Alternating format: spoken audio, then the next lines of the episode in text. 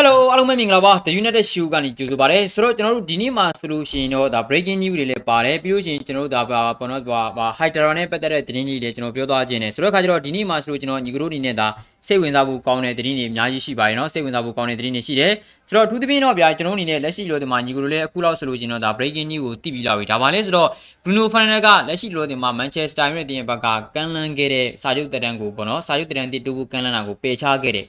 စာချုပ်တိချုပ်ဆိုဖို့ကန်လန်းတာကိုပယ်ချခဲ့တယ်ပြီးတော့ဟိုပေါ့နော်စာချုပ်တိပယ်ချပြီးတဲ့နောက်မှာစာချုပ်တိညှိနှိုင်းဆွေးနွေးဖို့အတွက်လည်းကျွန်တော်တို့နေလက်ရှိလောလောဆယ်မှာ postpone လုပ်ထားတယ်ပြောချင်တာကရက်ရွှေ့ထားတယ်ဘယ်ရက်ပညာတော့တွက်မလာသေးဘူးလောလောဆယ်မှာအခုလောလောဆယ်မှာစာချုပ်တိကိစ္စကိုဆွေးနွေးမှာမဟုတ်သေးဘူးဆိုတဲ့သဘောပဲကျွန်တော်ဒီအကြောင်းအရာတွေကိုကျွန်တော်ပြောသွားခြင်းနဲ့ဒါအပြင်ကျွန်တော်အနေနဲ့ တော့ဒါပေါ့နော်ဒီ Athletic တို့ဘာလို့ကထွက်လာတယ် Manchester United ကလောတဲ့ဇန်နဝါရီပြောင်းရွှေ့မှာပေါ့နော်ဒါကျွန်တော်တို့ဒါပေါ့ကစားမခေါ်ဖို့အတွက်တော်တော်လေးခက်ခဲနေသေးပြီမဲ့လာမယ့်နေရာဒီပြောင်းရွှေ့မှာသူတို့လိုချင်တဲ့ကစားမကိုလုံးဝဥတီပြစ်မှတ်ထားပြီးတော့ကျူးပန်းနေတယ်ဆိုပြီးတော့ဒီ Athletic တို့ဘာလို့အရန်အရန်ကောင်းတဲ့ source တွေကနေပြီးတော့ကျွန်တော်ဖော်ပြလာတယ်ဒါအပြင်ပေါ့နော်ဒီအကြောင်းဒီအကြောင်းအရာတွေကိုကျွန်တော်တို့ဒါပေါ့လက်ရှိလောလောဆယ်မှာအားကစားတိုင်ယာလို့ပြောရမယ်ဂျွန်မာတော့စီကနေပြီးတော့ကျွန်တော်သိလာတဲ့အကြောင်းအရာတွေဆိုပြီးတော့လည်းကျွန်တော်သိရတယ်ဆိုတော့ခါကျတော့ဒီထဲမှာဒီထဲမှာစိတ်ဝင်စားဖို့ကောင်းတဲ့ United တင်ရဲ့အကြောင်းအရာတွေကျွန်တော်အများကြီးပြောသွားဖို့ရှိတယ်ဆိုတော့ အဓိကတော့ Hydra တို့နော် Hydra တို့ဒါကျူဘယ်လင်ကန်တို့ရဲ့အကြောင်းကိုပြောချင်ပြီးမြဲဒါပထမဆုံးပြောချင်တာက Bruno Fernandes ရဲ့အကြောင်းဗျ Bruno Fernandes ကလောသေးမှာဆိုလို့ချင်းတော့ကလပ်တင်းရဲ့ဘက်ကဘယ်လိုပြောမလဲဆိုတော့ကလပ်တင်းရဲ့ဘက်ကစာချုပ်တစ်ကန်လန့်မှုကိုပယ်ချခဲ့တယ်ပြီးလို့ရှိရင်စာချုပ်တစ်ထပ်ပြီးတော့ဆွေးနွေးဖို့ကိုလည်းသူရက်ရွှေ့ထားရတယ်လောသေးမှာမှတော့မဆွေးနွေးကျင်သေးဘူးဆိုတဲ့သဘောပဲ Okay ဆိုတော့ဘာကြောင့် Bruno Fernandes ပယ်ချခဲ့လဲရှင်းရှင်းလေးရေနော်ကျွန်တော်တို့အနေနဲ့ဒါသတင်းအချက်လက်ကိုအတိအကျမသိသေးပြီမဲ့လောသေးမှာ Bruno Fernandes ကိုကန်လန့်ခဲ့တာဒီ ပေါင်2သိန်းကျော်ဝန်းကျင်နဲ့ဒါကန်လန့်ခဲ့တာ Bruno Fernandes ကပယ်ချခဲ့တယ်ဆိုတော့ Okay အမှန်တမ်းပြောမယ်ဆိုရင်ကျွန်တော်တို့ကလပ်တင်ဘက်ကဒီအကြောင်းအရာထွက်လာပြီ။ Oh okay Bruno Fernandes ကဟေ့လောတင်မှာတော့စာချုပ်တရန်ကိုပယ်ချခဲ့တယ်ဟေ့ဆိုတဲ့အကြောင်းအရာထွက်လာကြတဲ့ကကလပ်တင်ဘက်ကသိရမှာဒီကျွန်တော်ပြည်သက်တွေသိရမှာကြီးဘာလဲဆိုတော့အသင်းရဲ့ဘက်ကကစားမားတွေရဲ့လောက်ခလာစာပြီးချင်နေမှုနဲ့ကစားမားတွေပေါ်မှာ management လုပ်ကြမှာဘယ်လောက်ထိအားနည်းနေလဲဆိုတော့ကျွန်တော်ပေါ်ပေါ်လူနီးပေါ်နေဘာလို့လဲဆိုတော့ Fernandes ဗျာဒီလောက်ဒီကလပ်တင်မှာအရေးကြီးဆုံးကစားမားတယောက်သူ Sporting Lisbon ကနေပြီးတော့ January transfer မှာကျွန်တော်တို့ကလပ်တင်ကိုရောက်လာဝူဘန်နဲ့ပွဲစဉ်ကိုပထမဆုံးစကစားဇီးဇီးတည်ကြအဲ့ဒီပွဲစဉ်ကစပြီးတော့အခုချိန်ဒီဖာနန်ဒက်ဟာခြေစွမ်းမပြနိုင်တဲ့ပွဲဆိုတာကလက်ချိုးရည်လို့ရတယ်။သူ့ကြောင့်ကျွန်တော်အနေနဲ့ကလပ်တင်းဘက်ကလုံးဝအများကြီးပြောင်းလဲလာခဲ့ဆိုတော့ဒီလောက်ထိအရေးကြီးတဲ့ကစားမကိုလောလောဆယ်မှာဆိုလို့ကျွန်တော်ကျွန်တော်စာချုပ်တရန်ချုပ်ဖို့အတွက်လောက်ခလာစာပေးဖို့အတွက်တော်တော်လေးကိုနှောက်နှီးနေတယ်။ ကလပ်တင်းဘက်ကဒါကူကြည်ချင်းရမြဘယ်လောက်တော့မှ management နဲ့အားနေလိုက်တယ်ကျွန်တော်ရှင်းလင်းလင်းသိလို့ရတယ်။ဆိုတော့ဟုတ်တယ် Bruno Fernandes ကလောလောဆယ်မှာ2025ခုနှစ်ထိစာချုပ်တရန်ရှိနေသေးတယ်။2025ခုနှစ် plus နောက်တစ်နှစ်တရန်တိုးခွင့်ဆိုပြီးတော့ okay စာရုပ်တရံကတော့အရှိကြီးကြံနေသေးတယ်မှန်တယ်ဒါပေမဲ့ကလပ်တင်းရဲ့ဘက်ကသူတို့တခြားအသင်းစီကိုလက်လွတ်ရမှာကိုစိုးတယ်နော်တခြားအသင်းစီကိုလက်လွတ်ရမှာကိုလည်းစိုးတယ်ဒါကနံပါတ်1 ပြီးတော့နံပါတ်2က Bruno Fernandes ကိုလောလောဆယ်မှာပြီးချီထားတဲ့လောက်ခလာဆောင်ကအရန်နေတယ်ဒါကနံပါတ်2ဆိုတော့ဒီလိုအကြောင်းအရာမျိုးကြောင့်ဒီအကြောင်းအရာနှစ်ခုနဲ့ Bruno Fernandes ကို United ရဲ့ဘက်ကတရန်တိုးနေတာပြောချင်တာကဗျာကလပ်တင်မှာဒီလောက်ရေးပါတဲ့ကစားမတယောက်ကိုသူတို့ဘက်ကပေးထားတဲ့လောက်ခလာစာကလည်းနဲတယ်လက်ရှိချီစွမ်းကလည်းအရန်ကောင်းနေဆိုတော့ဒီများတင်ကခေါ်သွားမှလည်းကြောက်တယ်ဒါကြောင့်လောလောဆယ်မှာစာရုပ်တရံအရှိကြီးကျန်နေသေးပြီမဲ့လက်ရှိမှာတရန်တိုးဖို့လှုပ်တာအဲ့လိုမျိုးတက်တန်းတူဖို့လုပ်တဲ့နေရာမှာ Fernandes ကပယ်ချလိုက်တယ်စာရုပ်တက်တန်းဆွေးနွေးဖို့အတွက်ရက်တွေလည်းရွှေ့ပလိုက်တယ် ဒါဟာကျွန်တော်တို့အနေနဲ့ Fernandez ရဲ့ဘက်ကကြည့်လို့ရှိရင်တော့ကောင်းကောင်းကြီးကျွန်တော်နားလည်ပြီးလို့ရတယ်။ဘာကြောင့်လဲဆိုတော့လော့ဒေသူ့ကိုလော့ဒေမှာ rumors တွေထွက်လာတာက Bruno Fernandes ကိုကန်လန်းလာတဲ့စာချုပ်တရံဒီ2သိန်းနဲ့2သိန်းခွဲကြားမှာရှိတယ်ပေါ့။ Okay ဆိုတော့ Bruno Fernandes ကဘာကြောင့်ဒီစာချုပ်တရံကိုပယ်ချကလေးနားလည်ပြီးလို့ရတယ်။ပြီးလို့ရှိရင်လော့ဒေမှာကြည့်ကြည့်ကျွန်တော်တို့ကလပ်တင်မှာနော်ဆိုတော့ကျွန်တော်တို့ကလပ်တင်မှာဆိုလို့ကျွန်တော်ဒါအန်တူနီမာရှေကတပတ်လောက်ခလာစာ2သိန်းခွဲရတယ်။နော်ဟယ်ရီမကွိုင်းယာကတပတ်လောက်ခလာစာ2သိန်းရတယ်။ Rashford ကတပတ်လောက်ခလာစာ2သိန်းနဲ့2000ကျော်ရတယ်ဒီဟန်နာဆန်ကတပတ်လောက်ခလာစာ3သိန်းနဲ့4000ကျော်ရတယ်ပြီးလို့ရှိရင်ပေါ့ကျွန်တော်တို့အနေနဲ့ဒါပေါ့နော်ဘယ်လိုလဲဆိုတော့အဲနော်ခရစ္စတီယာနိုရိုနယ်ဒိုကဒါတပတ်လောက်ကလာစားကနော်နဲတဲ့ရမရတာကအများကြီးပဲ okay ထားတော့နော်ပြီးလို့ရှိရင်ကျွန်တော်တို့အနေနဲ့လက်ရှိ Edison Cavani တပတ်လောက်ကလာစား2သိန်းခွဲဝန်းကျင်ရတယ်ဆိုတော့ David De Gea 3သိန်း9000ခွဲရတယ်ဆိုတော့ကျွန်တော်တို့ကလပ်တင်မှာစစ်ဂျီဒန်ဆန်ဂျိုအစ်ရောက်လာတဲ့ကစားမှာ3သိန်းခွဲရတယ်ဆိုတော့ဒီလောက်ထိလောက်ခလာစားတွေမလိုအပ်ဘဲနဲ့အရန်များနေတဲ့ဒီကလပ်တင်မှာ ကလပ်တင်ရဲ့အရေးအကြီးဆုံးကစားမတစ်ယောက်လေးဖြစ်တယ်အရေးပါဆုံးကစားမတစ်ယောက်လေးဖြစ်တယ်လက်ရှိခြေစွမ်းအကောင်းဆုံးတွေကကစားမတစ်ယောက်လေးဖြစ်တဲ့သူကို2သိန်း2သိန်းခွဲနဲ့ကန်လန်မှာတော့ကစားမရဲ့ဘက်ကပယ်ချတာမထူးဆန်းတော့ဘူးကျွန်တော်ကလပ်တင်ဘက်ကတော့သူများကလပ်တင်နေမှာဥပလက်ရှိလောတင်မှာကြည့်နေတော့ကျွန်တော်လဘာဝူတင်ကိုကြည့်လိုက်နော်မိုဟာမက်ဆာလာတပတ်လောက်ခလာသာ2သိန်း2000ဝန်းကျင်ပဲရတယ်နော်မာနီ2သိန်းဝန်းကျင်ပဲရတယ်ဘိုင်ဘာဂျေဘန်နဲ့2သိန်းဝန်းကျင်ပဲရတယ် နော်ဆိုတော့ဒီလိုမျိုးပေါ့နော်ဒါပေါ့မန်ချက်စတာစီးတီးတင်းမှာဆိုလို့ရှိရင်လည်းဗျာအာလောက်ခလာသာအများဆုံးကကေဗင်ဒီဘရိုင်းဘယ်လောက်ရတယ်3သိန်း9000ခွဲရတယ်ကျန်တဲ့ကစားမတွေက2သိန်း3သိန်းကျော်ဝန်းကျင်ဒါမျိုးတွေပဲသူများအသင်းတွေကအသင်းလိုက်အသင်းလိုက်เนาะလောက်ခလာစာသူတို့တွေကเนาะပြီးတဲ့နေရာမှာအင်မတန်မျှတမှုရှိတယ် လက်ရှိမှာဆာလာကပရီးမီးယားလိရဲ့အကောင်ဆုံးကစားမတစ်ယောက်ဒါပေမဲ့သူတို့အနေနဲ့ဘယ်လောက်နဲ့သူတို့တွေရအောင်ချုပ်ထားလဲရှင်းရှင်းလေးရယ်ဆိုတော့ကျွန်တော်ကလပ်တင်မှာကအဲ့ဒါလိုမဟုတ်ဘူးပရီးမီးယားလိရဲ့ထိပ်ဆုံးလောက်ခလာစာအမြင့်မားဆုံးကစားမ9ယောက်ထဲမှာ4ယောက်ကယူနိုက်တက်တင်ကစားမစဉ်းစားကြည့်ဗျာ ဘယ်လိုလုပ်ပြီးတော့ကျွန်တော်အနေနဲ့ဒီကလပ်အသင်းကဒီကလပ်အသင်းကသိတယ်မလားဟိုဟို management တွေဘယ်လောက်ထိအားနေနေလဲဆိုတာကျွန်တော်အနေနဲ့ဒါကြည့်မြင်ကြည့်လို့ရတယ်နော်ကလပ်တင်းရဲ့ဘက်ကတည်တယ်မလားလောစင်မှာတော့အော်โอเคပေါ့ငါတို့မှာတည်တယ်မလား2025ခုနှစ်တိတရန်းရှိသေးတယ်ကွာဒီကစားမကိုအေးစစ်စစ်လေးညှိနှိုင်းလို့ရပါတယ်โอเคဂျားတွေကဒီများတင်းကလောက်ခလာစာအများကြီးပြီးပြီးတော့ခေါ်သွားရင်ဘယ်လိုလုပ်မလဲအဲ့ဒီချိန်မှာအတင်းပြောင်းသွားခဲ့ရင်အတင်းပြောင်းသွားတဲ့ Bruno Fernandes ကိုကျွန်တော်အပြစ်မြင်ရမှာမဟုတ်ဘူးလက်ရှိလို့တဲ့ကလပ်တင်းရဲ့ဘက်ကလောက်ခလာစာဝင်မပေးချင်တဲ့သူတွေကိုပြစ်တင်ရမယ်ဆိုတော့ပြောချင်တာကအတင်းတောင်ရှိနေပဲ ကလပ်တင်းရဲ့ဘက်ကဗျာကျန်တဲ့ဘာမှမဟုတ်တဲ့ကစားမတွေကို2သိန်း3သိန်းကျော်တွေပေးထားတယ်လောလောဆယ် Bruno Fernandes လိုကစားမတသိန်းမရတယ်စဉ်းစားကြည့် Fernandes ကိုခေါ်တော့ကဘရူနိုဖန်ရက်စ်ကိုခေါ်တော့ကသူ့ရဲ့ဘောနက်ကြီးတွေဘာတွေမပါဘဲနဲ့ဆိုလို့ရှိရင်သူကစပိုတင်းလေစပမှာ9000ပဲရတယ်ဆိုတော့9000ရဲ့နှစ်ဆဖြစ်တဲ့တပတ်လောက်ခလာစာပေါင်တသိန်းနဲ့ဘရူနိုဖန်ရက်စ်ကိုကလပ်တင်းကိုရောက်အောင်ခေါ်ထားတာတသိန်းနဲ့ခေါ်ထားတာစင်တသိန်းတော့စဉ်းစားကြည့်တသိန်းတော့သူရောက်တဲ့ချိန်ကလေးကအခုချိန်ကြီးဘရူနိုဖန်ရက်ကကလပ်တင်းရဲ့တော့ဒါ10ပွဲကောင်းလို့ချင်း9ပွဲကသူ့ခြေသွမ်းကြောင်းပဲ ဒါမို့ဒီဒီကျွန်တော်တို့ကကောင်းလာတဲ့ကစားမတွေကိုဘာကြောင့်အခုလိုမျိုး2သိန်း2သိန်းကျော်နေနဲ့ကန်လန်းရတာလဲဟုတ်တယ်မလား okay ပယ်ချတယ်ဒါလုံးလုံးနားလည်ပြီးလို့ရတယ်ဆိုတော့ကလပ်တင်းရဲ့ဘက်ကဘလူတွေးလဲဆိုတော့အော်တိတယ်မလားအော်ငါတို့တော့တိတယ်မလားလောက်ခလာသာတိတယ်မလားဘာလဲဘာလဲစာရုပ်တရကအရှိကြီးကြံပါသေးတယ်ကွာဆိုတဲ့ပုံစံမျိုးနဲ့တွေးထားလိုက်။ Okay အဲ့ဒီအရှိကြီးကြံနေတာကပြဿနာမဟုတ်ဘူး။သူများအသင်းရဲ့ဘက်ကတပတ်လောက်ခလာသာ Okay ကမင်းကို3သိန်းခွဲပေးမယ်ဆိုပြီးတော့ကန်လန်းသွားလို့ Bruno Fernandes ပြောင်းသွားတယ်ဆိုလို့ချင်း Bruno Fernandes ရဲ့အပြစ်မဟုတ်တော့ဒါကရှင်းရှင်းပြောင်းပါပဲလေ။ဟုတ်တယ်ပြောင်းပါပဲ။ ဥမာပြရီယယ်မထရစ်တင်းရဲ့ဘက်က3သိန်းခွဲပြီးပြီးတော့ဒါကွင်းလေလူခေါ်ကြလိုက်လို့သွားလို့သွားမယ်ဆိုရင်ဘရူနိုဖန်နဲ့လည်းသွားမှာလေကျွန်တော်ဒါကြောင့်ပြောတာပေါ့ဖြစ်မှာပဲဒီကိစ္စတွေကဒီပြဿနာတွေကဖြစ်မှာပဲဘာလို့လဲဆိုတော့အသင်းရဲ့ဘက်ကအသုံးမကျတဲ့ကစားမတွေမလိုအပ်ဘဲတဲ့ကစားမတွေကိုလောက်ခလာစာအများကြီးပြီးမှတော့တစ်ချိန်ချိန်ကြလို့ချင်းဒါတွေကဖြစ်လာမှာပဲဘာလို့လဲဆိုတော့ကစားမတွေရဲ့ကြားမှာမလိုအပ်ဘဲလောက်ခလာစာတွေကအများကြီးမြင်မစွာပြီးချေရတဲ့ဟာဒါတွေကပြဿနာပဲเนาะဒါတွေကပြဿနာပဲအခုဆိုရင်ပြဿနာတွေကစပြီเนาะတောက်လျှောက်ဆိုလို့စလာတာ โอเคဆိုတော့เนาะဂျီဒန်ဆန်ဂျူကလည်းနောက်ကြလို့ရှိရင်ဒါ3သိန်းခွဲရထားတော့เนาะနောက်ကြလို့ရှိရင်ဒါဘောနော်တရန်နုမယ်ဆိုရင်4သိန်း4သိန်းခွဲလူချင်မှာပဲဒါတွေကဖြစ်လာကြအကြောင်းမရှိဘူး။ဘာလို့လဲဆိုတော့ကလပ်တင်းရဲ့ဘက်ကကစားမတယောက်ကိုခေါ်တဲ့အခါမှာမလူအပ်ဖက်နဲ့အေဂျင့်တွေပါနေကောင်းကောင်းမညီနိုင်နိုင်ပေမဲ့လောက်ခလာစာတွေအများကြီးပြီးချေခဲ့ရတာဒါလိုမျိုးကစားမတွေရဲ့ကြမှာမညီမျှတဲ့လောက်ခလာစာတွေကအခုဆိုပြဿနာတွေကစပြီဘရူနိုဖန်နက်စ်ကကျွန်တော်တို့လက်ရှိလောဒီမှာဂျီဒန်ဆန်ဂျူကိုလက်လွတ်လို့ရအောင်ရမယ်ရက်ရှ်ဘုတ်ကိုလက်လွတ်လို့ရခြင်းရမယ်ဘရူနိုဖန်နက်စ်ရဲ့မရှိတဲ့ကွင်းလေကဘယ်လိုမျိုးဖြတ်တန်းခဲ့ရလဲကျွန်တော်တို့တွေ့ရပြီးသား ဘရူနိုဖန်နက်စ်လည်းပါတယ်ဖန်နက်လည်းခြေသွမ်းမပြနိုင်တဲ့ပွဲတွေမှာဘယ်နှလုံးမြန်ကျွန်တော်ကောင်းကောင်းကြီးအခွင့်အရေးဖန်ကြီးနိုင်မှုရှိခဲ့လေဟုတ်တယ်မလားကျွန်တော်ဒါဟာဘရူနိုဖန်နက်စ်ရဲ့အရေးပါမှုပဲကလပ်တင်းမှာရလက်ဒီကိုအဓိကဆွမ်းဆောင်ပေးနေတဲ့ကစားမတယောက်ကိုဒီလောက်ထိလောက်ခလာတာပေးဖို့အတွက်2သိန်းကျော်လေးဗျာ2သိန်း2သိန်းခွဲကျော်လေးပေးနေတာဟိုကစားမကဘယ်ဘယ်လက်ခံမလဲငါးမြင့်ကွာသိတယ်မလားအသင်းရဲ့အဓိကကစားမလေးဖြစ်ရတဲ့ပွဲတန်းကြီးပါလေကစားရတယ်ကွာကျန်တဲ့ကစားမတွေလည်းလည်းကောင်းတယ်အခုလက်ရှိအရန်မှာထိုင်နေတဲ့ကစားမကြီးလာတော့မှ तू ကလာတာမရဘူးဘယ်လိုလုပ်ပြီးတော့တရန်ထိုးကြည့်မလို့ဟုတ်တယ်မလား ရှင်းရှင်းလေးရလေဒါလုံးဝကျွန်တော်အနေနဲ့အသင်းရဲ့ဘက်ကမဖြစ်တင်တာပဲပြီးတော့ဒီလိုမျိုးတင်းတက်လာတဲ့နေရာမှာပေါ့နော်ကျွန်တော်တခြား page တွေမှာကျွန်တော်ကဝင်ကြည့်တဲ့ခါကျတော့ okay ပြည်သက်တွေချုပ်ပြည်သက်တွေကရေးထားတယ်ဟာနေပါအောင်ကွာပေါ့ဟောကလပ်တင်းရဲ့ဘက်ကမှကွင်းတွင်းကောကွင်းပြင်ကောမင်းတို့ကဒီမှာအခြေအနေမကောင်းဖြစ်နေတာစာချုပ်ကလည်း2025ခုနှစ်ကြံခဲ့သေးတယ်ဘာလို့အခုလက်ရှိကြီးတိုးကျင်ရတာတော့ပေါ့သိတယ်မလားရှင်းရှင်းလေးရဲ့ကလပ်တင်းရဲ့ဘက်ကစိတ်ပူလို့ကိုတိုးမှာနော်အချို့ညီကိုကြောနားမလည်ဘူးနားမလည်ဘူးဆိုတာကအာစာချုပ်တန်းက2025ခုနှစ်တိကျန်သေးတာကွာအခုလက်ရှိကျမှအခု ဘာလို့မြန်သိတယ်မလားတန်းတိုးကျင်ရတာတော့အခုလက်ရှိကျမှဘာလို့လာတာကပိုးလူကျင်ရတာတော့ဖာနန်ဒက်စ်ရဲ့ဘက်ကမတောင်းရင်တောင်းမှဒါကပေးရမယ့်အရာနော်ဆိုတော့မတောင်းရင်တော့မှကျွန်တော်ပြီးရမယ့်ရမယ်ဘာကြောင့်လဲဘာကြောင့်လဲဆိုတော့ကျွန်တော်တို့အနေနဲ့ကစားမားကိုဆုံးရှုံးရမှာကြောက်တယ်ယူနေတဲ့ဘက်ကကစားမားကလက်ရှိမှာကလပ်တီမှာအရန်ရေးပါတယ်ပြီးရတဲ့လောက်ကလာတာတက်သိန်းများစဉ်းစားကြည့်တော့နော်ဖာနန်ဒက်တက်သိန်းဆိုတာကနော်ကြည့်တယ်မလားဘယ်လိုပြောနေတာ ဟိုဘာဘယ်လိုပြောနေတာမာရှယ်တို့ရက်ရှ်ဘူးတို့ရဲ့မုံမိုးလောက်ပဲရှိတာနော်ဒါမှမဟုတ်ဆိုတဲ့အခါကျတော့ကစားမားတယောက်ကိုဆုံးရှုံးရမှာသူတို့ကြောက်တယ်ဟာသူများအသင်းကမြန်လောက်ခလာတာအများကြီးပြီးပြီးတော့ကန်လန်သွားခဲ့ရင်ဆိုတဲ့ပုံစံမျိုးနော်ဒါစာရုပ်တဲ့အများကြီးကျန်နေသေးပြီမဲ့ Finance ကိုလောက်ခလာတာအများကြီးပြီးပြီးတော့တခြားအသင်းတွေဘက်ကပူကောင်းတဲ့ offer တွေနဲ့ကမ်းလှမ်းလာခဲ့လို့ရှိရင်သူတို့ဆုံးရှုံးနိုင်နေဆိုတဲ့ပုံစံမျိုးနဲ့ကြောက်တဲ့စိတ်နဲ့ကျွန်တော်တို့ကစာချုပ်တန်တိုးတာနော်စာချုပ်တန်တိုးတာနော် ဟိုစာချုပ်တန်အရှိကြီးကြံသေးလို့သိတယ်မလားတန်မတိုးရဘူးဆိုလို့ကျွန်တော်ဘယ်အဆင်ပြေတော့မလို့ဟုတ်တယ်မလားနော်အဲ့လိုမျိုးသိတယ်မလားတလွဲတွေးတဲ့ညီကိုတွေကလည်းရှိတယ်ဆိုတော့ပြောချင်တာက Bruno Fernandes ကိုကျွန်တော်တို့အပြစ်မြင်လို့မရဘူး Fernandes ကတောင်းတင်းတဲ့အရာကိုတောင်းမှာပဲလက်ရှိလိုတဲ့မှာ Fernandes တောင်းလာတော့မဟုတ်ဘူး United တင်ရဘက်ကကန်းလန်းလာတာနော်2သိန်း2သိန်းခွဲတဲ့ဆိုတော့ကစားမကပယ်ချလိုက်တယ်ပြီးလို့ရှိရင်စာချုပ်တန်ဆွေးနွေးမဲ့ကိစ္စကိုလည်းလာမယ့်နွေရာသီပြောင်းရွှေ့တီသူရွှေ့ပလိုက်တယ်ဆိုတော့ဒါဟာကျွန်တော်တော်တော်ကစားမဘက်ကတော့အများကြီးနားနေပြလို့ရတယ်ဒါပေမဲ့အသင်းတာဝန်ရှိတဲ့ဘက်ကတော့ အင်မတန်ကိုအင်မတန်ကိုအားနေပြီးတော့ညံဖြင်းလို့နဲ့ man management နောက် player management လို့ကျွန်တော်တို့ပြောလို့ရတယ် ဒါဟာကျွန်တော်တို့ကစားသမားတွေတခြားကစားသမားတွေကိုခေါ်ကြဲကမလိုအပ်ဘဲနဲ့လောက်ခလာစာပေးချင်တယ်မို့ဆိုတော့ရှင်းရှင်းလင်းလင်းပြောမယ်ဗျာရှင်းရှင်းလင်းလင်းပြောမယ်လောလောဆယ်မှာပေါ့ပါကိုကျွန်တော်တို့တွေနော်စပြီးတော့ကန်လန်းခဲ့တာဒီဘယ်လောက်လဲ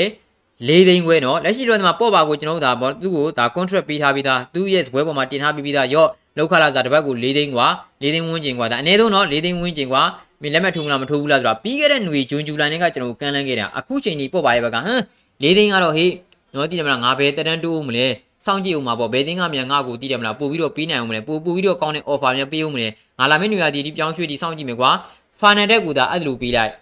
ချက်ချင်းကိုထိုးတယ်ဘာလို့လဲဆိုတော့ဒီကစားမက United မှာလည်းဆက်ရှိနေတဲ့ကစားမဖြစ်တယ် United မှာလည်းပေါ်ပါတဲ့အများကြီးပူကောင်းအောင်စွမ်းဆောင်ပေးထားတဲ့ကစားမဖြစ်တယ်ပေါ်ပါကလပ်တင်ကို2016ခုနှစ်ကလေးကအခုချိန်ထိ ပြထားတဲ့ခြေသွမ်းနဲ့ Bruno Fernandes ရောက်တဲ့2019ကနေအခုချိန်ထိပြသထားတဲ့ခြေသွမ်းတွေကတခြားစီဆိုတော့ကလပ်တင်ပေါ်မှာအကျိုးပြုပုံချင်းကွာပြီမဲ့ကလပ်တင်တောင်ရှုတီရဲ့ဘက်ကလောက်ခလာတာကန်လန်းမှုချင်းကအရန်ကွာချားနေတယ်။အော်ပေါ့ပါကူတော့ဟေးငါတို့ကအရင်ကလေးကတည်တယ်မလား2သိန်း9000ပေးထားရတာကွာအခုဆိုလို့ချင်းတော့ငါတို့3သိန်းခွဲလောက်ပေးမယ်ဆိုတဲ့ပုံစံမျိုးမဟုတ်ဘူး4သိန်းပေးမယ်ကွာဆိုတဲ့ပုံစံမျိုးနဲ့ကန်လန်းထားတာဒါကူတော့မှကစားမကအင်တင်နေများယာဒီကုန်တိငါကစောက်မယ်ဘရူနိုဖန်နက်ကိုကျွန်တော်2သိန်း2သိန်းခွဲမင်းကိုပေးမယ်ကွာမင်းဆက်နေမလားဆိုတော့ဘယ်နေမလဲ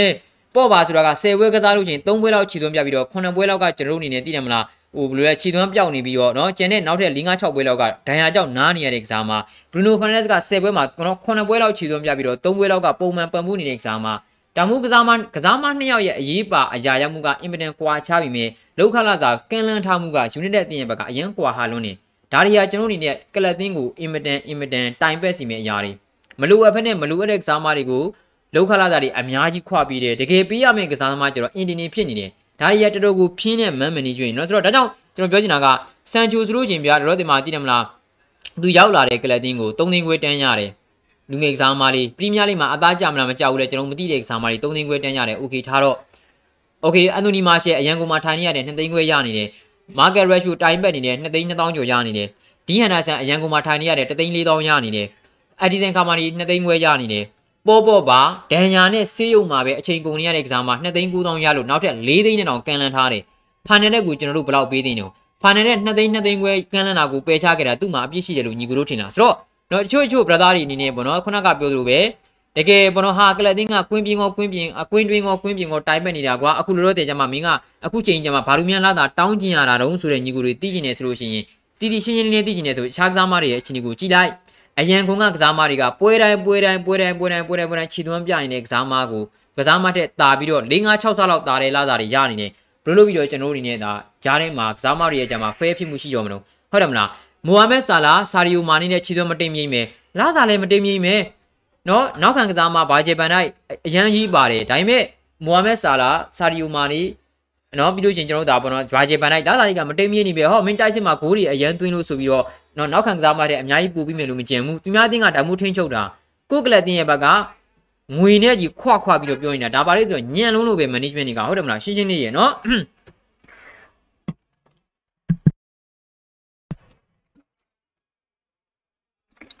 story ဗျာနော်ဆိုတော့ပြောချင် story ကရမ်းကြီးရေတောင်စားဆိုတော့အဲ့လိုမျိုးဆိုတော့ကလပ်တင်းရဲ့ဘက်ကတော့တော်တော်ကိုတိုင်းပက်တာနော်ဒါကြောင့်ကျွန်တော်ပြောချင်တာကဖာနယ်တက်ကလောလောတင်မှာပေါ့နော် လာစာလောတင်မှာပေါ့နော်ဒီပေါ်အဲ့2သိန်းခွဲလောက်နဲ့ကန်လနာကိုပယ်ချခဲ့တဲ့အကိုကျွန်တော်ကတော့ဒါလုံးဝကိုထောက်ခံတယ်နော်ဒါကစားမဘက်ကအပြည့်အဝကျွန်တော်နားလည်ပြီးလို့ရတယ်အခုမှ Fernandez ပဲရှိသေးတာနော်နောက်ကြရင်လာမှာ okay Market Rashford ကိုဟေ့ငါတို့တက်တန်းတူးတော့မယ်တက်တန်းတူးပြီဆိုမှတော့နောက်ကလိုက်ရမှာဒီလာစာတူးကူပေးရမယ်ဆိုတဲ့အတိုင်းဒါပဲဂျီဒန်ဆန်ချို3သိန်းခွဲရတယ်လက်ရှိမှာ Market Rashford 2သိန်း2000ရတယ်ထားလိုက်တော့ okay Market Rashford ငါတို့တက်တန်းတူးတော့မယ်ဟေ့ Rashford ရေးမင်းကတော့ဒီလောလောဆယ်မှာအခြေအနေကတိတ်မကောင်းဘူးဒါပေမဲ့ငါတို့ကမင်းကိုကျွန်တော်ကြည့်တယ်မလားအရန်အရေးပါတဲ့ကစားမပြေငါတို့ကတတ်မှတ်ထားတယ်ကွာနောက်တဲ့မင်းကိုပေါင်8000တိုးမြေတပတ်လောက်ကပေါင်3သိန်းပြီးမြေဟေးလောလောဆယ်မှာ2သိန်း2000ရတာလို့ပေါင်3သိန်းပြီးမှာနော်ဂျီဒန်မာကရက်ရှ်စဉ်းစားမယ်โอเคလေညငါရငယ်တဲ့ငါနောက်မှရောက်တဲ့တည်ရဆန်ချူတော်မှမင်း3သိန်းခွဲရသေးတယ်ငါပေါင်း2သိန်း3သိန်းနဲ့ကစားမှာတော့ငါပေချမှာပဲဒါမျိုးတွေဖြစ်လာမှာကစားမတွေကသူတို့ရဲ့ခြီစွမ်းကသူတို့ရဲ့ခြီစွမ်းကသူတို့ရတဲ့လောက်ခလာတဲ့နဲ့ကိုက်မကိုက်ကြည့်မှာမဟုတ်ဘူး ဘာလို့လဲဆိုတော့သူတို့ကတော့ဟာဒီကောင်တော့မှရသေးတယ်ငါဘာလို့မရမှာလဲဆိုတဲ့ပုံစံမျိုးတွေဖြစ်လာမှာပဲဒါဟာကလပ်တင်းဘက်ကအပြည့်အဝတာဝန်ယူထိန်းချုပ်ရမယ့်အရာပဲเนาะဆိုတော့ဒါတွေကဖြစ်ကုန်မဖြစ်တဲ့အကြောင်းပါရေเนาะဆိုတော့ခါကျတော့ကျွန်တော်ကတော့မှန်တိုင်းပြောမိဆိုလို့ကျွန်တော်ကျွန်တော်တို့ကလပ်တင်းရဲ့ man management အရန်အားနေတာတွေကိုကျွန်တော်တို့နေကျွန်တော်တို့တော်တော်ကြီးတွေ့နေဒါတွေကအများကြီးပြဿနာတက်လာလိမ့်မယ်စိတ်ချပါဒါတွေကိုမထိန်းနိုင်ရင်ကျွန်တော်တို့ကလပ်တင်းဘက်ကအများကြီးတိုင်ပတ်လိမ့်မယ်เนาะဆိုတော့ okay နော်ဆိုတော့လောလောဆယ်မှာထားပါနော်ဘရူနိုဖန်နက်စ်လောက်အရေးပါတဲ့ကစားမှာဘရူနိုဖန်နက်စ်ပဲရှိတယ်လောလောဆယ်ကလပ်တင်းမှာဒါပေမဲ့ဘရူနိုဖန်နက်စ်လောက်မမြမတဆက်ဆံခံတဲ့ကစားမှာ Bruno Fernandes ပဲရှိတယ်တော်တော်ကိုစိတ်ပြုတ်ဖို့ကောင်းတယ်เนาะဆိုတော့ okay အဓိကနောက်တစ်ခုပြောချင်တာကဒါပါလေဆိုတော့ဒီလိုမျိုးသတင်းတွေထွက်လာတာအရင်လွယ်တယ်เนาะကလပ်တင်ရဲ့ဘက်ကကျွန်တော်မနေ့ကပြောခဲ့တယ်မနေ့ကအခုလိုမျိုးည9:00နာရီ live မှာပြောခဲ့တယ်ဘာပြောလဲဆိုတော့ Manchester United ရဲ့ဘက်က information တွေ journalist တွေစီပေးတာသတင်း journal တွေစီ information တွေရောက်တာအချက်လက်တွေပြန့်တာမပြန့်တဲ့အရာတွေပြန့်တာအရင်မြန်တယ်အခုလက်ရှိတည်းကြည့် Fernandes က Fernandes ရဲ့ကိစ္စဆိုတာက okay Fernandes ကတော့ဟေးသိတယ်မလား Fernandes ကတော့ဟေးလောက်ခလာတာတူတယ်ကြင့်ကြနေတယ်ဆိုလို့ချင်းရပြီရပြီဒါဆိုလို့ချင်းဒါပေမဲ့ Fernandes ကတော့သိတယ်မလားလောတင်မာရေးသူ့ရဲ့လာတာက2သိန်းခွဲပဲပြီးလို့ Fernandes ကပယ်ချတဲ့ပြီးလို့ချင်းလေဟေးကလပ်တင်းရဲ့ဘက်ကကလပ်တင်းနဲ့သိတယ်မလားကျွန်တော်အနေနဲ့တည်းကလပ်တင်းနဲ့တည်းမှာတရန်တူမဲ့အချိန်ကိုလည်းနောက်ကိုဆုတ်လိုက်တဲ့ဟေးနော်သိတယ်မလားနော်ဒါကတော့ဘသူကြောင့်လဲဟေးဒါမိုးသီးတွေကထွက်လာပြီမိုဟာမက်ဆာလာလီဗာပူးတင်းနဲ့တက်တဲမတူးနိုင်သေးဘူးโอเคဆာလာကတော့ဟေးလာသာတလောက်တလောက်တောင်းလို့လို့အတိအကျထွက်မလာဘူးအော်ဆာလာကတော့ဟေး3သိန်းဝန်းကျင်လိုချင်တာတဲ့4သိန်းဝန်းကျင်လိုချင်တာတဲ့ဒီလောက်ပဲထွက်လာတယ် လီဗာပူးတင်းရဲ့ဘက်ကဘလောက်ပြီးပြီးတော့ကန်လန်နဲ့ဆာလာဘက်ကဘလောက်ဂျမန်လောက်ထားတယ်လီဗာပူးနဲ့ဆာလာရဲ့ကြားမှာစာချုပ်ကိစ္စအဓိကမပြေလည်ရတဲ့အကြောင်းရင်းကဘာတွေဖြစ်နေတယ်ဘယ်တော့မှထွက်လာခြင်းမရှိဘူးဘယ်တော့မှထွက်လာခြင်းမရှိဘူးကျွန်တော်ကြားထဲမှာရူမာတွေပဲရှိတယ်ဒါပေမဲ့ United အသင်းရဲ့ဘက်ကအော်ကလပ်တင်းရဲ့ဘက်က2သိန်း2သိန်းခွဲပုံစံနဲ့ကန်လန်လို့ဘရူနိုဖာနက်ကပယ်ချတဲ့အဲ့ဒီပယ်ချလိုက်တဲ့ဟာနဲ့စာချုပ်တန်အစ်စ်ချုပ်လို့ညှိနှိုင်းဆွေးနွေးမဲ့အရာကိုလည်းလာမယ့်နွေရာသီပြောင်းရွှေ့တီရွှေ့လိုက်တဲ့ဖာနက်ရဲ့ဘက်ကဆိုပြီးတော့ information ကြီးကတက်လာတာ ဒါမျိုး information ဆိုတာကကလပ်တင်းနဲ့ကစားမကလပ်တင်းတာဝန်ရှိတွေနဲ့ကစားမတာဝန်ရှိတွေအကြားမှာ private ဖြစ်နေရမယ့်ကိစ္စတွေဒါတွေကအခုလက်ရှိကျွန်တော်တို့အနေနဲ့ဒီဘယ်လိုလဲဆိုတော့ information တွေက journalist တွေစီ journalist တွေရောက်တာအရန်မြန်တယ်ဒါတွေကကလပ်တင်းရဲ့ပုံရိပ်ကိုအများကြီးထိခိုက်တယ်နော်အများကြီးထိခိုက်တယ်ဟာကျန်တဲ့ကစားမတွေကတွေးပြီးဒီသတင်းတက်လာတော့အေးဖာနက်တက်ကတော့တယ်ကွာโอเคဆန်ချိုးကတွေးမယ်ဗျာဖာနက်တက်ကတော့တယ်ငါတို့3သိန်း3သိန်းခွဲလိုချင်တာတဲ့အဲ့ဒါကြောင့်ဒီကောင်3သိန်းခွဲမရလို့ပယ်ချတာတဲ့မာရှယ်ကတွေးပြီးအော် ဖာနက်တက်ကကွာ2သိန်းခွဲမရလို့ပယ်ချတာတဲ့ဒီကောင်ငါလို့ငါလိုမျိုး2သိန်းခွဲမရလို့ပယ်ချတာတဲ့သိရပါโอเคယူနိုက်တက်ဘက်ကဖာနက်တက်ကို3သိန်းခွဲပြတိုးပြီးလိုက်ပြီနောက်ထပ်ဂျီဒန်ဆန်ချူတန်တန်းတို့တော့မယ်ငါတော့ဟေးဟိုကစားမတဲ့ပူရမှာဖြစ်မှာဖြစ်မှာပဲဘာလို့လဲလူတွေပြဒါတွေကတယောက်ကကိုယ့်ထက်ပူရလို့ရှိရင် तू လည်းစွမ်းဆောင်ရင်မတင်မြင့်သူပူလို့ချင်းမှာပဲဒါလူတွေပဲဖြစ်မှာပဲလောဘဆိုတော့ရှိမှာရှိမှာပဲလေအခုကလောဘမပြောနဲ့เนาะကစားမတွေကကိုထိုက်တန်တဲ့ခြီသွန်းတဲ့တောင်မှကျွန်တော်တို့အနေနဲ့ဖာနန်တက်ကထိုက်တန်အောင်မရဘူးဒါလောဘလို့ပြောလို့မရဘူးဒါဟာမမျှမတဆက်ဆံခံရမှုပဲ ဟုတ်တယ်မလားဆိုတော့မျက်မှန်တတသူလည်းရချင်ပါပဲနော်ဆိုတော့စိတ်ချပါနောက်ပိုင်းနောက်ပိုင်းစာရုပ်တင်တန်တူးမဲ့ကိစ္စတွေမှာယူနစ်တင်ဘက်ကတောက်လျှောက်ဆိုလို့ဒီပြဿနာတွေကြုံရနေပြီနော်ဆိုတော့ Okay ပါနော်ဆိုတော့ထားပါဘလူးဖန်ရဲ့အကြောင်းကိုအားရပါရပြောတာတော့ဒီမှာနော်ဒါနော်ဆိုတော့တော်တော်ကြီးကိုကြာသွားပြီနော် sorry ပါ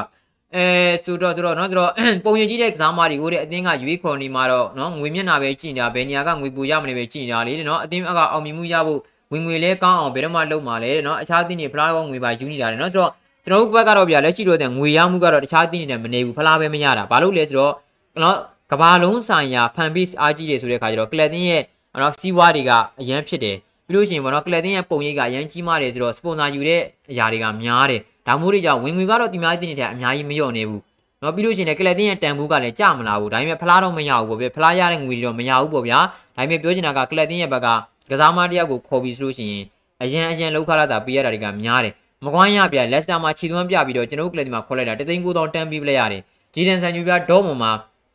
ဒေါမွန်မှာအရန်ခြေသွမ်းပြလို့ဆိုပြီးတော့ကျွန်တော်တို့ခေါ်လိုက်တာပေးတယ်3သိန်းခွဲတန်းပြီးလိုက်ရတယ်စဉ်းစားကြည့်3သိန်းခွဲတန်းပြီးလိုက်ရတယ်ဘယ်လိုပြီးတော့ကျွန်တော်အဆင်ပြေတော့မလို့ဟုတ်တယ်မလားเนาะဆိုတော့ဒါတွေကကျွန်တော်တို့ကလပ်နေတယ်เนาะအတင်းတိုင်ပတ်မဲ့အကြောင်းပါတွေပဲเนาะဆိုတော့အဲရောင်းထုတ်တဲ့ exam တွေကိုရောင်းထုတ်ပါတဲ့ဘရူနိုကအဓိကကစားမအဓိကကစားမတေချာထိမ့်ထိမ့်တည်နေတယ်เนาะအမှန်တကယ်ပါအမှန်တကယ်ပါเนาะဆိုတော့ အဲဆိုတော့ဘောနော်အဓိကမန်ယူโอเคဆိုတော့ဘယ်ရောက်သွားเนาะအခုလိုကြတော့အခုလိုကြ United က player management တအားညံ့နေတယ်เนาะသူတို့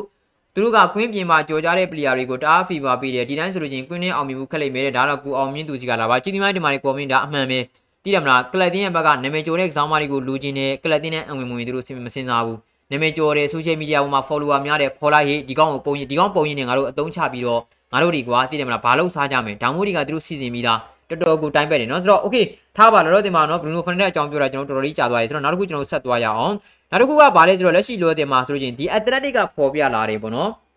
ကျွန်တော်လည်းအမှန်တမ်းပြောလို့ကျွန်တော်ဒါနူယာဒီပြောင်းရွှေ့လာမယ့်ຢာတွေကိုကျွန်တော်တို့မပြောချင်သေးဘူးဒါပေမဲ့ဒါကတော်တော်ကိုကောင်းတဲ့ source ကလာတာဒီ Athletic ဆိုတာကကျွန်တော်တို့ဒါအပြည့်အဝယုံကြည်လို့ရတယ်သူကဘာပြောထားလဲဆိုတော့ Manchester United တင်ရဲ့ဘက်ကပေါ့နော်ဇန်နဝါရီပြောင်းရွှေ့မှာကစားမမခေါ်နိုင်သေးပေမဲ့အသင်းတာဝန်ရှိတွေသူသဖြင့်ဂျွန်မာတော့ဆိုတဲ့အားကစားဒါရိုက်တာတို့ကသူတို့ ရည်ရွယ်ထားပြီးသားလာမယ့်နွေရာသီပြောင်းရွှေ့မှာသူတို့အဓိကခေါ်ဖို့အတွက်ပြည့်မှတ်ထားပြီးတော့ဂျူးပမ်မစ်ကစားမသည်ဂျူးဘယ်လင်ဂမ်ပဲဖြစ်တယ်ဆိုပြီးတော့လက်ရှိမှာဖော်ပြလာတယ်ဒါကိုလည်း The Express ကနေပြီးတော့လက်ရှိမှာပြောလာတယ်ဒါကိုတော့ဂျွန်မာတော့ကပြောဆိုခဲ့တာပါဆိုပြီးတော့ဂျွန်မာတော့စီကနေပြီးတော့ရခဲ့တဲ့နော်ဒီပေါ် information မှာဆိုပြီးတော့လက်ရှိမှာပြောလာတယ်ဒါတွေကိုကျွန်တော်ကြည့်ကြရပြီးအသင်းရဲ့ဘက်က OK Juice Bellingham ကိုကိုလက်တဲ့ရအောင်ခေါ်လူကန်ဒီမှာရအောင်မခေါ်နိုင်ခဲ့ဘဲနဲ့သူများကလပ်ဒီမှာကောင်းနေတဲ့အခါကျမှမဖြစ်မနေပြန်ပြီးတော့ CGP လောက်ခလာကြများများပြီးပြီးတော့ခေါ်ရတော့မယ့်အခြေအနေပဲနော်ကလပ်တင်းရဲ့ဘက်ကဘာပဲဖြစ်ဖြစ်ဗျာဂျူဘယ်နီငံလိုကစားမမျိုးကိုရောက်လာလို့ရှိရင်ကောင်းနေဆိုတဲ့အခါကျတော့ကျွန်တော်တို့ကလာမယ့်နေရာဒီပြောင်းချိန်မှာခေါ်ဖို့ကျူးပန်းမှာပါဆိုတော့ Declan Rice ကိုလောဒီမှာခေါ်ဖို့အတွက်အရင်ကြီးစိတ်မဝင်စားတော့တဲ့အနေအထားမှာရှိတယ်နော်လက်ရှိလောဒီမှာရော Jude Bellingham ကိုပဲအရင်ကြီးအားဆိုင်မဲ့အနေအထားမှာရှိတယ်ဆိုတော့အသင်းတောင်ရှိတဲ့ဘက်ကဘယ်လိုမျိုးတွေဖြစ်လာမလဲကျွန်တော်ကြည့်ရမယ်တေချာတာကတော့လောဒီအနေအထားမျိုးဒီမှာ Jude Bellingham ကိုခေါ်ယူဖို့အတွက်အသင်းရဲ့ဘက်ကလုံးဝပြစ်မှတ်တစ်ခုတည်းအဖြစ်ဟာလာမယ့်နေရာတို့မှာတော့ဟေးတည်တယ်မလားနော်ဟိုလူလူလူဒီလူလူမဟုတ်တော့ဘူးကွာ အော် Jude Bellingham မှာ Jude Bellingham မျိုးဆိုတဲ့ပုံစံမျိုးနဲ့ခေါ်ဖို့ကိုပြစ်မှတ်ထားလာတာဒါဟာကျွန်တော်တို့နေတော်တော်လေးကိုကောင်းတဲ့အရာလို့ကျွန်တော်တို့ပြောလို့ရတယ်ပေါ့ဗျာဒါပေမဲ့လည်းဇန်နဝါရီပြောင်းရွှေ့မှာကျွန်တော်တို့ကအရေးကြီးတာမြတ်မင်းနွေရာသီပြောင်းရွှေ့မှာကြိုက်တဲ့လူကိုပြစ်မှတ်ထားကြိုက်တဲ့လူကိုနွေရာသီပြောင်းရွှေ့မှာရအောင်ကောကိစ္စမရှိဘူးကိစ္စရှိတဲ့ကလောစင်မှာဆိုလို့ကျွန်တော်ကလပ်အသင်းမှာဇန်နဝါရီမှာရအောင်ခေါ်ဖို့ပဲဇန်နဝါရီမှာကောင်းမွန်တဲ့ Queen Exam တဲ့ကိုရအောင်ခေါ်ဖို့ပဲเนาะဆိုတော့ခါကျတော့ကျွန်တော်စောင့်ကြည့်ရမယ်လောစင်မှာတော့ဒါဒီ Athletic ကဖော်ပြလာတဲ့ United အသင်းရဲ့ဘက်က Jude Bellingham ကိုလာမယ့်နွေရာသီပြောင်းရွှေ့ရဲ့အဓိကနံပါတ်1ပြစ်မှတ်ပြစ်မှတ်ထားလာတယ်ဆိုပြီးတော့เนาะဆိုတော့ okay ပါ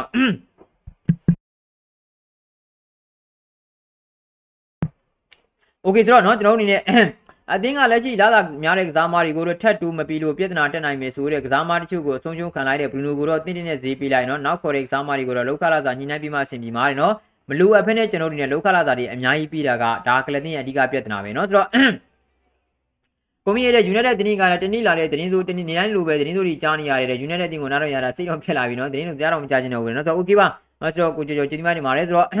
အဲကိုမြင်ကိုပြောရလို့ရှိရင်တော့ဗောနော်ဆိုတော့ United အတင်းရဲ့ပုံရိပ်ကြီးတဲ့သူတွေကိုခေါ်နေလာတဲ့ရောက်လာတဲ့သူတွေမှာနာမည်ကြီးတဲ့သူတွေကိုကြောင်ရဲလူမျိုးနော်သူတို့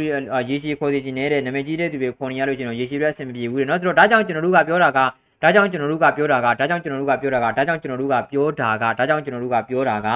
ကလပ်အသင်းအနေနဲ့ သိတယ်မလားထိတ်ဆုံးကအရေးပါတဲ့သူတွေကအရေးချင်းရှိတဲ့သူတွေဖြစ်ဖို့လိုတယ်အမှန်တကယ်ကလပ်အသင်းကို management လုပ်နိုင်တဲ့သူတွေဖြစ်ဖို့လိုတယ်ဆိုတော့ဒါကြောင့်ကျွန်တော်ကနီးပြဖြစ်တဲ့ run လေးကိုကလပ်တင်ရဲ့နီးပြဆိုတော့တဲ့ကျွန်တော်ကသိတယ်မလားနော် consultancy role ဖြစ်ကျွန်တော်ကဖြစ်နေစေချင်တာအထက်ကလူတွေကဝူဒူရဲ့နေရာမှာလက်ရှိအစားထိုးမဲ့ Richard Arno လည်းဒီပုံစံပဲလာမှာပဲဒီဘဲတွေက United နဲ့ဟိုအတင်ကဆက်ဆက်လာတဲ့လူတွေဒီပုံစံပဲလာမှာပဲအကြံဖြင်းကတော့ဂျွန်မာတော့လည်းဘာလို့တော့ကလပ်တင်ရဲ့ head of development ကနေပြီးတော့ယာရုတူပေးလိုက်တဲ့သူပဲမထူးဘူးဒီပုံစံတွေပဲလာမှာပဲဆိုတော့ကလပ်တင်ရဲ့ထိတ်မှာ လူတွေဒါပြောင်းသွားမယ် policy တွေမပြောင်းဘူးဖြစ်နေတယ်နော်လောက်ကင်လုတ်ပုံလိမ့်နည်းတွေမပြောင်းဘူးဖြစ်နေတယ်ဆိုမှတော့ running ကိုကျွန်တော်တို့ထားပေးလိုက်တာကအဓိကအကြောင်းပါပဲနော်ဆိုတော့တကယ်ပါကျွန်တော်တို့ collecting နဲ့လောတင်မှာ running ကိုကျွန်တော်ကနီးပြဆိုတာတဲ့အသင်းရဲ့တကယ်ကိုအထက်မှာတာဝန်ရှိပုဂ္ဂိုလ်တူအနေနဲ့ကိုကျွန်တော်ကမြင်နေတာဒါမှ collecting ရဲ့ဘက်ကနော်လာမယ့်နေ့ဒီမှာသူပြောင်းလဲပြီးလာဒီမှာကျွန်တော်အနေနဲ့ဒါကွင်းကွင်းတွင်းကွင်းတွင်းကွင်းပြင် management တွေပို့ပြီးတော့တိုးတက်လာမှာနော် okay ပါ okay ထားပါနော်ဆိုတော့ အဲဆိုတော့ဆိုတော့ဆိုတော့ဆိုတော့ဆိုတော့ဆိုတော့ဆိုတော့ဆိုတော့ဆိုတော့အဲနောက်တစ်ခုကျွန်တော်တို့ဆက်လက်ကြည့်အောင်ဗျာနောက်တစ်ခုကျွန်တော်တို့ဆက်သွားရအောင်เนาะဆိုတော့နောက်တစ်ခုကကျွန်တော်တို့ဗာလဲဆိုတော့လောတင်မှာဆိုလို့ရှိရင်လောလောတင်မှာဆိုလို့ရှိရင် okay အဲโอเคเนาะလောလောတင်မှာဘရူနိုဖန်နယ်ဘရူနိုဖန်နယ်စာချုပ်ပယ်တရန်ပယ်ချခဲ့တာကိုပရိသတ်တွေတော်တော်ကတင်းနေတယ်เนาะတင်းနေတဲ့ဆိုတော့ဘရူနိုကိုတင်းတာမဟုတ်ဘူးအတင်းတောင်ရှိသူတွေကိုတင်းနေတာဒီကစားမဒီလောက်ထိအရေးပါတာဒီလောက်ပဲပြီးပြီးတော့ကန်းလန်းရသလားဒီလောက်နဲ့ကန်းလန်းတာကိုပယ်ချတာနဲတောင်နဲသေးတယ်အဲဆိုရှယ်မီဒီယာမှာဒါမှမဟုတ်တန်းစီနေတာပဲတွေ့တာတွေပါရင်မှာเนาะဆိုတော့ကလပ်တင်းရဲ့ဘက်က ဖာနက်ကိုဒီလောက်ကလေးနဲ့ကန်လန်းလိုက်တာဟာဘယ်လောက်ထိတောင်မှသိတယ်မလားပျော့ညံ့တဲ့ management အားနေတဲ့ management ကိုပြလာလဲဆိုတဲ့ပုံစံမျိုးတွေတောက်လျှောက်ဆိုလို့မေးခွန်းတွေထုတ်နေကြတကယ်လည်းထုတ်เสียပဲเนาะဆိုတော့ okay ပါเนาะဆိုတော့ထားပါအဲနောက်တစ်ခုကကျွန်တော်တို့နေရဗာလဲဆိုတော့လက်ရှိလိုဒီမှာဆိုတော့ကျွန်တော်တို့ကအာဘာเนาะလက်ရှိမှာ Hydra ပေါ့လက်ရှိမှာ Hydra ပေါ့เนาะဆိုတော့ဒါကကျွန်တော်တို့တော်တော်လေးစိတ်ဝင်စားဖို့ကောင်းပါတယ်ဒါကဘာလဲဆိုတော့ကျွန်တော်တို့နေလက်ရှိလောလောဆယ်မှာအဲကျွန်တော်တို့တော့ကလပ်တင်းရဲ့ဘက်ကပေါင်30နဲ့3သန်း စွန့်စားနိုင်နေဆိုလို့ရှိရင်ပေါ့နော်ဒါဟိုက်ဒါရာကိုရဖို့အတွက်အများကြီးအခွင့်အရေးရှိတယ်ဆိုပြီးတော့တင်းနေတက်လာတယ်ဟိုက်ဒါရာနဲ့လည်းစကားပြောဆိုကျွန်တော်မနေ့ကလည်းတင်ပြပေးခဲ့ပြီနော်ဟိုက်ဒါရာနဲ့စကားပြောဆိုမှုတွေရှိနေပြီဆိုပြီးတော့ဒါပေမဲ့လောလောဆယ်မှာအမှန်တကယ်နော်ဆိုတော့ဟိုက်ဒါရာနဲ့အခြေအနေကအရန်အရန်ကိုကောင်းတဲ့အခြေအနေကိုရောက်လာပြီဟိုက်ဒါရာနဲ့ပေါ့နော်ကလပ်တင်းရဲ့ညှိနှိုင်းဆွေးနွေးမှုတွေကြားမှာအရန်ကြီးပို့ပြီးတော့တိုးတက်မှုတွေရှိလာပြီ30နဲ့3တန်းခန့်နဲ့နော်ဒါပေးပြီးတော့ခေါ်မေဆိုလို့ရှိရင်ကျွန်တော်တို့အနေနဲ့ပေါ့နော်ရနိုင်ကြီးအများကြီးရှိတယ်ဒါပေမဲ့33တန်းပေးပြီးတော့နျူကာဆယ်ကလည်းလိုချင်နေတဲ့ နယူကာဆယ်ကတောက်လျှောက်ဆိုသူလိုသူများအသင်းနဲ့ထွက်တဲ့ကစားမယ်တောက်လျှောက်လိုက်ထွက်တာနျူကာဆယ်ကဟိုက်ဒါရာကိုလိုချင်နေဆိုတာယူနိုက်တက်နဲ့တင်းထွက်လာလို့ထွက်တာစိတ်ချနျူကာဆယ်ကခေါ်မှာမဟုတ်ဘူးနျူကာဆယ်ကိုလည်းဟိုက်ဒါရာလာမှာမဟုတ်ဘူးနော်ရှင်းရှင်းလေးရဲ့နျူကာဆယ်ကနော်အတင်းတင်းတွေထွက်လာတယ်ဆိုတာဟာသူတို့အသင်းကတော့သူတို့အသင်းကတော့လေလူချမ်းသာတွေဟေးကြည့်တယ်မလားလူချမ်းသာတွေဟေးကြည့်တယ်မလားယူနိုက်တက်ကဒီတင်းဒီကစားမနဲ့တင်းထွက်တယ်ဒီကစားမကိုနျူကာဆယ်ကလိုချင်တာလားခေါ်တော့ဘန်လီယာခရစ်စုတို့ဘာတို့ခေါ်တော့ဘန်လီယာခရစ်စုတို့ဘာတို့ နော်တရင်မြန်ထွက်လာလို့ရှိရင်ဒီများအသင်းရဲ့ဘက်ကစပယ်ကျချိန်နေတဲ့ကစားမတွေကြီးတို့ကထွက်တာလက်ရှိလောလောတင်မှာအရေးချင်းပြေးသွားတဲ့ကစားမတွေနျူကာဆယ်ကိုရောက်ဖို့ဆိုတာအရန်ဝေးလုံးသေးတယ် လောက်ခလာတာများများပေးနိုင်တော့မှလာမယ့်လာခြင်းတဲ့ exam မှာရှားသေးတယ်ဘာလို့လဲဆိုတော့အသင်းရဲ့အခြေအနေကဖြည်းဖြည်းချင်းအောက်ခြေကနေရှင်ပြန်ရမယ့်အနေအထားမျိုးနော်ပြပေါ့ဗာလေပြုပြင်သွားမယ့်အနေအထားမျိုးမှာတောက်လျှောက်သူတို့ကကမ္ဘာအကောင်းဆုံးကစားမတွေတန်းခေါ်လို့ရမှာမဟုတ်ဘူးเนาะဆိုတော့ဒါကြောင့်ပြောချင်တာကဟိုက်ဒရာကိုကျွန်တော်တို့ကလတင်ကနယူကာတင်နဲ့ရှင်လူရကိုလူချောင်းလူကောင်းလူလာရမှာဖြစ်မယ်ဆိုဒီနဲ့เนาะဆိုတော့ကျွန်တော်တို့အနေနဲ့ဒါ33တန်းဆိုတာကတော့ဗျာ မာရှယ်တို့ပြီးရမုံဘူးလောက်ပဲရှိပါတယ်သိတယ်မလားအတူဝက်တို့ရတယ်မုံဘူးလောက်ပဲရှိပါတယ်30တလွန်ကတော့မင်းဘော့ဘတ်တူပြီးတော့ပေးလိုက်လို့ရတယ်နော်ဟုတ်တယ်မလားထိုက်ဒရာဗျာအမှန်တကယ်လူချင်းတဲ့ကစားမှာအမှန်တကယ်လိုအပ်နေတဲ့ကွင်းလေလက်ရှိကင်ရိုနေတဲ့ running လူချင်းတဲ့ကစားမှာ running ကဒီကစားမှာဘလူကစားလဲဘလူအသုံးပြုရမလဲဆိုတော့ကောင်းကောင်းကြီးသိတဲ့နီးပြဒီနီးပြလူချင်းတဲ့ကစားနော်ကစားမှာကလပ်တင်းကိုလာချင်းတဲ့ကစားမှာထိုက်တန်တဲ့ဈေးပေးလို့ရတဲ့ကစားမှာ30နဲ့3သန်းပြဟုတ်တယ်မလားဒါဘာလို့မပေးနိုင်ရမှာလို့ခေါ်ပလိုက်တော့ ဟောဇန်နဝါရီပြောင်းရွှေ့နောက်ဆုံးရက်မှာခေါ်မင်းတို့တွေးနေရအောင်ကဇန်နဝါရီအပြောင်းရွှေ့ကြီးပြီးမှကျွန်တော်တို့ကဘောလုံးကစားမှာမဟုတ်ဂျားထဲမှာပွဲကစားရတာတွေရှိတယ်ဒီဂျားထဲမှာကအမှတ်ရော့နေတဲ့ပွဲတွေကမနေတော့ဘူးဟုတ်တယ်မလားဆိုတော့အသင်းမကလူအပ်တဲ့နေရာတွေကိုတောက်လျှောက်အားဖြည့်ပေးမပြီးနိုင်ကြတွေကတော်တော်ကိုပြဿနာကြီးရယ်နော်ဆိုတော့ဒါကြောင့်ကျွန်တော်ကတော့ဒီနေ့မှာကလပ်တင်းရဲ့ထွက်လာတဲ့သတင်းတွေကတော်တော်ကိုစိတ်ပြက်စရာတွေတကယ်ပါအသင်းရဲ့ဘက်ကလက်ရှိမှာ Haider နဲ့စကားပြောဆိုမှုတွေလုပ်နေနေဆိုတာတော့ဒါ positive ပေါ့ဗျာနော်အရန်ကောင်းတဲ့အရာပေါ့ဒါအကောင်းမြင်တဲ့အကောင်းဘက်ပေါ့ဆိုတော့ကျွန်တော်ကတော့ ဇန်နဝါရီပြောင်းချီမှာနော်နီးပြဖြစ်တဲ့ running လူချင်းနဲ့နော် queen exam မှာအနည်းဆုံးတစ်ယောက်တော့ရဖို့အတွက်တော့ကျွန်တော်မျှော်လင့်နေတယ်နော်ဆိုတော့ okay ပါဒါတွေကတော့ဒီနေ့မှာရထားကြတယ်နော် Manchester United နဲ့ပတ်သက်တဲ့အကြောင်းအရာလေးတွေပါနော်ဆိုတော့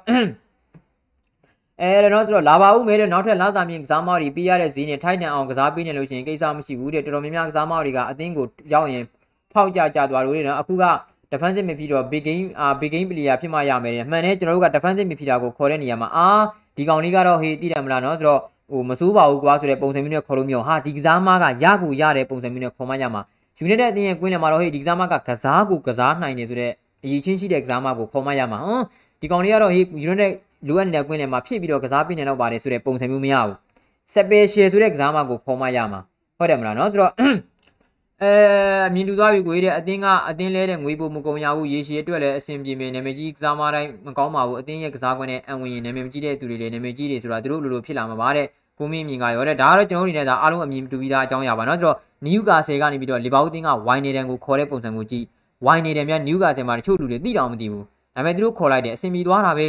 နော်တကယ်ကိုအရေးပါတဲ့ကစားမတယောက်ဖြစ်သွားတာပဲဟုတ်တယ်မလားနော်ဆိုတော့ဒါမှမဟုတ်ဖြစ်ရမှာအတင်းရဲ့ဘက်ကရောဘတ်ဆန်ကိုခေါ်လိုက်တယ်ဘယ်ကကောင်မှန်းကိုမသိဘူး ဒါပေမဲ့လက်ရှိမှာအကောင်ကဘာအကောင်းဆုံးဘယ်နောက်ခံလူကစားမတွေကတယောက်ဖြစ်နေပြီဒါပါလေဆိုတော့သူများအတင်းရဲ့ vision အလုပ်လုပ်ပုံလုပ်ပုံကံမှုစနစ်ကြပုံနဲ့ကိုကလပ်တင်ဘက်ကပြည်သူတွေလုပ်လုပ်ပုံတွေအရေးချင်းမရှိတာတွေရေးချင်းရှိတာတွေကွာသွားတာပဲเนาะဆိုတော့ဒါပါလာမယ့်နေ့ဒီမှာသတင်းကောင်းလေးတွေပဲကျွန်တော်မျှော်လင့်ပါတယ်เนาะဆိုတော့အပြောင်းရွှေ့ဒီမှာလည်းကစားမကောင်းတွေရဖို့အတွက်ဒါနီးစပ်မှုတွေပါရှိဖို့ပဲကျွန်တော်မျှော်လင့်ရမှာပေါ့ဗျာเนาะဘယ်တက်နေမှာမလဲเนาะဆိုတော့ okay ပါဆိုတော့ကျွန်တော်တို့အနေနဲ့เนาะဒါလာမယ့်နေ့ဒီမှာကျွန်တော်ဆက်လက်ပြကြပါမယ်ကြည့်ရှုအားပေးခဲ့တဲ့ညီကိုများအားလုံးကိုကျွန်တော်ကျေးဇူးများတင်ပါတယ်ကျွန်တော်တို့ဒါမနေ့ပြန်မနေ့မှာကျွန်တော်တို့နေဆက်လက်ပြပါမယ်အားလုံးကိုကျေးဇူးပါဗျာ